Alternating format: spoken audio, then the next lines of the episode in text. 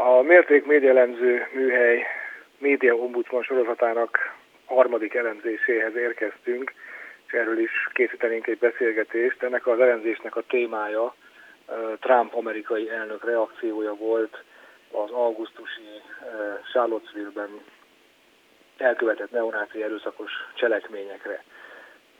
Következő történt augusztus 12-én. Az amerikai Egyesült Államokban, a Virginia állambeli Charlottesville-ben tartott szélsőjobboldali részben neonáci csoportok által szervezett tüntetés során, melynek meghirdetett célja tiltakozás volt azon döntés ellen, amely a 19. századi amerikai polgárháborús rabszolgatartó déliek katonai főparancsnoka Robert Lee tábornok szolgának a város egyik parkjából való eltávolításáról született, a tüntetők és a velük szemben fellépő ellentüntetők között erőszakos cselekményekre került sor. Egy férfi, aki a fehérek felsőbbrendűségét valló csoportokkal hozható összefüggésbe, autóval a tömegbe hajtott, egy embert megölt, legkevesebb 19-et megsebesített. Donald Trump, amerikai elnök nem kimondottan rasszista szélsőségeket, hanem mindkét oldal erőszak cselekményeit ítélte el.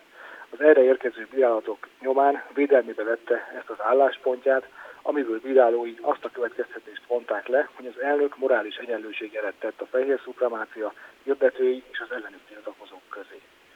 Ennek a külpolitikai jellegű hírnek, vagy egy teljes mértékben külpolitikai hírnek a feldolgozására Kárpáti János újságíró vállalkozott, akitől elsőként azt kérdezném, hogy az olvasott elemzett megjelenések alapján mennyire ítélte a megítélésed szerint a hazai online média fontosnak ezt az eseményt, a hazai közönség számára mennyire tartotta relevánsnak? Meglehetősen relevánsnak tartotta a legtöbb médium. Foglalkoztak vele részben azért is, mert Donald Trump olyan elnök, aki körül mindig történik valami, és ha történik, akkor az érdeklődésre szokott számot tartani. Itt viszont haláleset is bekövetkezett és a konfliktus jellege is olyan volt, ami érdekelhette a magyar olvasókat, hiszen kőkonzervatívok és liberálisok összetűzése volt a, a, a fő probléma. Igen, ez a felvezetés átvezet ahhoz a kérdéshez nyilván, hogy megjelentek-e a tudósításokban hazai párhuzamok, láthatóak-e az ezzel kapcsolatos hírekben a, a magyar politikai törésvonalak a média rendszerben, annak ellenére, hogy egy külpolitikai témáról van szó. Igen, hát azt hiszem nem tekinthető túlzott leegyszerűsítésnek, ha azt mondom, hogy az eltérés főtörés vonala a kormánykritikusság, illetve a kormány oldalis, oldaliság mentén húzódik. Mégpedig abban az értelemben, hogy az általában kormánykritikus magyar médiumok részletesebben taglalták. A magyar kormányzatnak rendszerint pártját fogó médiumok pedig inkább mellőzték a Trump számára összességében elég kínos ügyet. A kormány oldalon meg kell jegyezni, hogy a bulvár jobban foglalkozott vele, hiszen erőszakcselekményekről, úgymond látványos eseményekről volt szó. Figyelemre méltó azonban, hogy az, az Origo egyetlen egy anyagot sem készített erről az egész történetről. Az mennyire volt jellemző, hogy állást foglaltak határozottan a Trump fellépésével szemben, vagy amellett a magyar médiumok? Igazából nem kellett állást foglalniuk, hanem idézni kellett állásfoglalásokat, és ezeknek gazdag tárháza állt rendelkezésükre, ebből kedvükre válogattak. Ugye ez nem olyan történet volt, ahol a, a magyar újságíró ott van a helyszínen és a saját tapasztalatait írja meg, hanem másodkézből dolgozott különböző forrásokból, és Amerikában ennek hatalmas tudósítása volt, tehát bőséggel álltak rendelkezésre pro és kontra nyilatkozatok.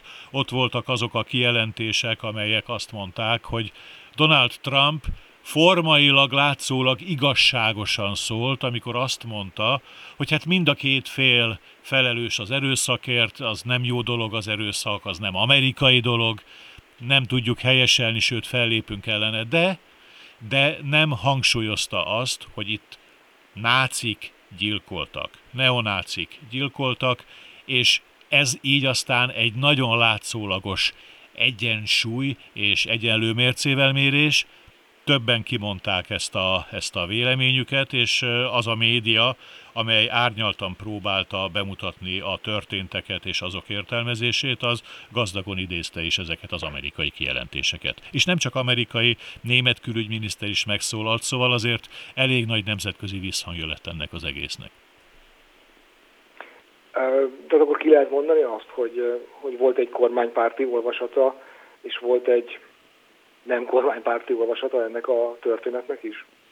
Igen, gyakorlatilag a, a, a kormánypárti olvasat azért, hogy mondjam, az, az túlment az amerikai, a, a, a Trump tábor olvasatán, hiszen, hiszen például a bulvár szintű olcsó propagandától sem riadt vissza a magyar média egy része, eljutott egy liberális összeesküvésig, még itt is soros kezének a vizionálásáig. A trumpisták természetesen ilyesmit nem mondtak Amerikában. A másik, a magyar kormányjal szemben kritikus, általában kritikus média nagyjából azokat az érveket hangoztatta, amelyeket egyfelől az amerikai demokrata pártiak, valamint Trump republikánus bírálói, azok a politikusok vagy közéleti személyiségek, akik eh, úgy gondolják, hogy, eh, hogy a politikai konfrontációnak is megvannak azért a kulturális szabályai, amiket eh, Donald Trump rendszeresen áthág. Egy külpolitikai hír kapcsán nyilván adja magát, hogy a külföldi források bőségesen meg tudnak jelenni, online térben pedig ez akár közvetlen hivatkozás is lehet videókra, Facebook, Twitter bejegyzésekre. Mennyire élt az online média, az online média sajátosságaival, a saját lehetőségeivel? Igen, itt valóban topzódni lehetett az amerikai források és az azt tovább ragozó nemzetközi források bőséges tárháza állt rendelkezésre. A Twitter nagyon érdekes, amerikai politikából került be a hírvilág forrásai közé. Tehát most már elmondhatjuk, hogy egy Twitter bejegyzés legalább annyira fontos bevett hírforrás, mint, mint egy hírügynökségi jelentés valamilyen tekintélyes nemzetközi hírügynökségtől, vagy egy sajtótájékoztató, amiben persze megvannak a veszélyek. Tehát Donald Trump leül a karosszékébe, kinyom néhány Twitter üzenetet, és az egész világnak haja szála égnek áll adott esetben. Tehát ez nem biztos, hogy, nem biztos, hogy nagyon tetszik az establishmentnek, azoknak, akik a sajtóval foglalkoznak, de hát ez egy új jelenség. Ezt mindenképpen hasznosították, illetve hát ezekre kellett támaszkodni, ezekre a Twitter üzenet forrásokra, amikor erről a történetről írtak, a magyar médiumok is, de volt itt bőven videó, fotó, hát a videó az, az, az elég csúnya képsor volt természetesen, amikor az a bizonyos fehér férfi autóval behajt, belehajtott a tömegbe. De gyakorlatilag ez megkerülhetetlen, a, ott volt a bulvár, és ott volt a, a vérerőszak és a, a látványos képek. Ezeknek az elemzéseknek a, az alapkérdése, vagy a végső célja az az, hogy próbáljon meg valamiféle képet adni arról, hogy a, a magyar online média fogyasztói azok abban a helyzetben vannak-e, hogy egy sokszínű, átfogó tájékoztatást kapjanak a vizsgált témáról. Hogy ítéled meg ebben az ügyben, mennyire volt lehetősége egy magyar online hírfogyasztónak arra, hogy átfogó képet kapjon a Trump eseményekről? Aki nyitott a világra, az elég jól tájékozódhatott, átfogó képet kaphatott. Aki persze csak egy szűk hogy mondjam így, szektás nézettől befolyásolva nagyon kevés forrást akar használni, az lehet, hogy tájékozatlan maradt. Nem szeretném itt most nevesíteni konkrétan azokat a portálokat, amelyek informatív módon átfogó képet adtak, de nagyon jól tudjuk azt, hogy akik a, a világot sokrétűen bemutatják, melyek ezek a portálok, és melyek azok, amelyek egészen, egészen leszűkített, mondhatnám így lebutított propagandát folytatnak. Köszönöm szépen, és köszönjük szépen az elemzést is.